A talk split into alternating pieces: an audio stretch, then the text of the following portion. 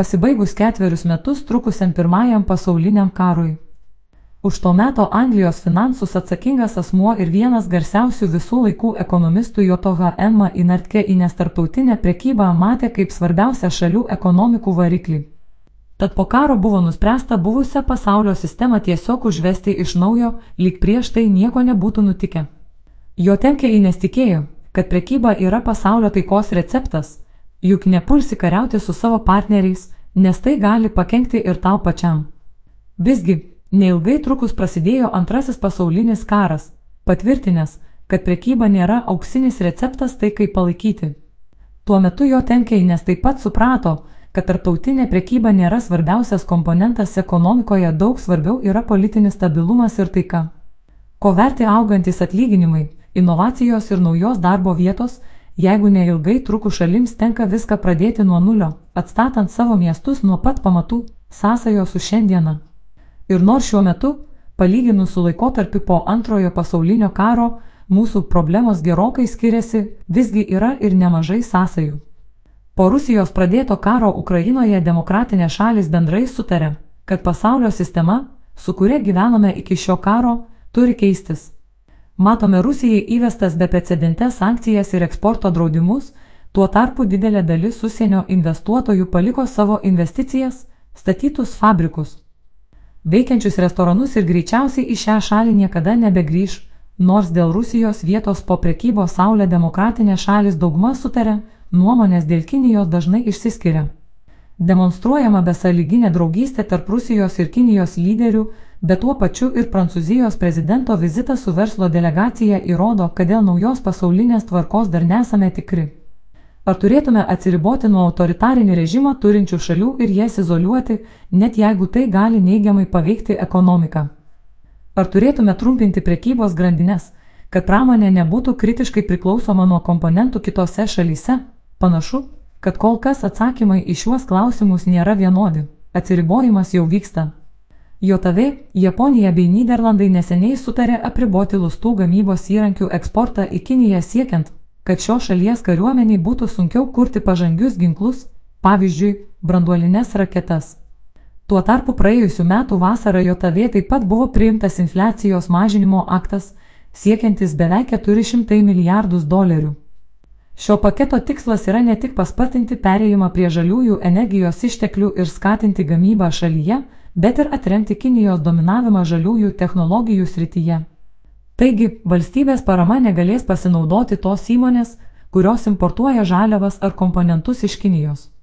Pavyzdžiui, šiuo metu beveik 80 procentų visų saulės energetikos technologijų yra importuojama iš Kinijos. Tuo tarpu du trečdaliai visų retųjų metalų, kurie yra kritiškai svarbu žaliosioms technologijoms, taip pat yra išgaunami šioje šalyje. Akivaizdu, kad bandymas atsiriboti nuo Kinijos tiekimo grandinių bet kuriai šaliai trumpuoju laikotarpiu reiškia didesnę infliaciją. Visgi, ilguoju laikotarpiu tai turės teigiamo poveikio pasaulio valstybių pastangoms kovoti su klimato kaita, sukurs naujų darbo vietų bei pritrauks nemažai užsienio šalių investicijų. Negana to, tiekimo grandinės bus stabilesnės ir mažiau priklausomos nuo politinių interesų. Bandymas atsiriboti arba bent jau mažinti rizikas vyksta ir kituose frontuose. Pavyzdžiui, vis daugiau šalių rekomenduoja gyventojams nesinaudoti tik to programėlę, kuria Kinijos valdžiai gali būti perdodami milijonų vartotojų duomenys. Koks Europos planas? Lietuva, kitaip nei kitos ES šalis, jau pajuto, ką reiškia Kinijos pyktis. Atidarius Taivano atstovybę Vilniuje, buvome ištrinti iš muitinės sistemos, saugumo sumetimais buvo evakuojama ir Lietuvos ambasada Kinijoje. Visgi, Europa kol kas aiškaus plano, kaip mažinti priklausomybę nuo Kinijos, neturi. O didžiausia bėda čia ir yra seniai kurta ekonominė architektūra, kurios esmė laisva prekyba, ypač trūkstant gamybinių pajėgumų pačioje Europoje. Taip pat matome ir išsiskiriančią šalių lyderių nuomonės, kai kurie lyderiai priklausomybės net nemato kaip didelės bėdos. Europos komisijos pirmininkė neseniai pareiškė, kad reikia neatsiriboti nuo Kinijos tačiau mažinti rizikas. Bet kokiu atveju, Briuselis dar neturi nei aiškios strategijos, nei įrankių, kaip būtų galima tai pasiekti.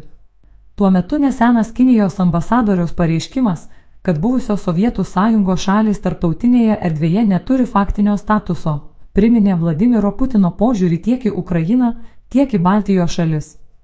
Greta to matome ir karinės pratybas šalia Taivano, kuriomis bandoma imituoti šalies užėmimą. Rekomendacijos Lietuvai.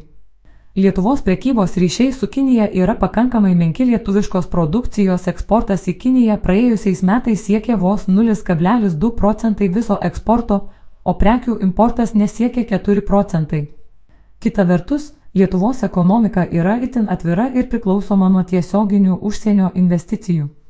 Tad šaliai reikia ne tik dar labiau įsitvirtinti ES rinkoje, bet ir stiprinti savo prekinį ženklą kaip valstybės, kuri yra patraukli užsienio investicijoms. Tai bus itin aktualu, jeigu ES iš tiesų nuspręs labiau atsiriboti nuo Kinijos, trumpins tiekimo grandinės ir dar sparčiau investuos į žalėją transformaciją. Tiesa, mūsų šalyje pastaruoju metu netrūko prieš užsienio kapitalą nukreiptų iniciatyvų, mokestinių eksperimentų, kurie gali stabdyti ekonomikos progresą ateityje. Istorijos pamokos. Žvelgdami į šiandieninius iššūkius, galime prisiminti ir praeities įvykius bei tai, kaip su tais įvykiais dorojosi garsiausi visų laikų ekonomistai ar politikai. Ar turėtume kurti naują pasaulio sistemą, ar visgi bandyti pasikliauti senąją? Matant vis dar besitęsiantį karą Ukrainoje ir greunamus jos miestus bei infrastruktūrą, kol kas netrodo, kad senoji sistema galėtų būti užvesta iš naujo. Tad naujos sistemos pradžiai turime ruoštis jau dabar.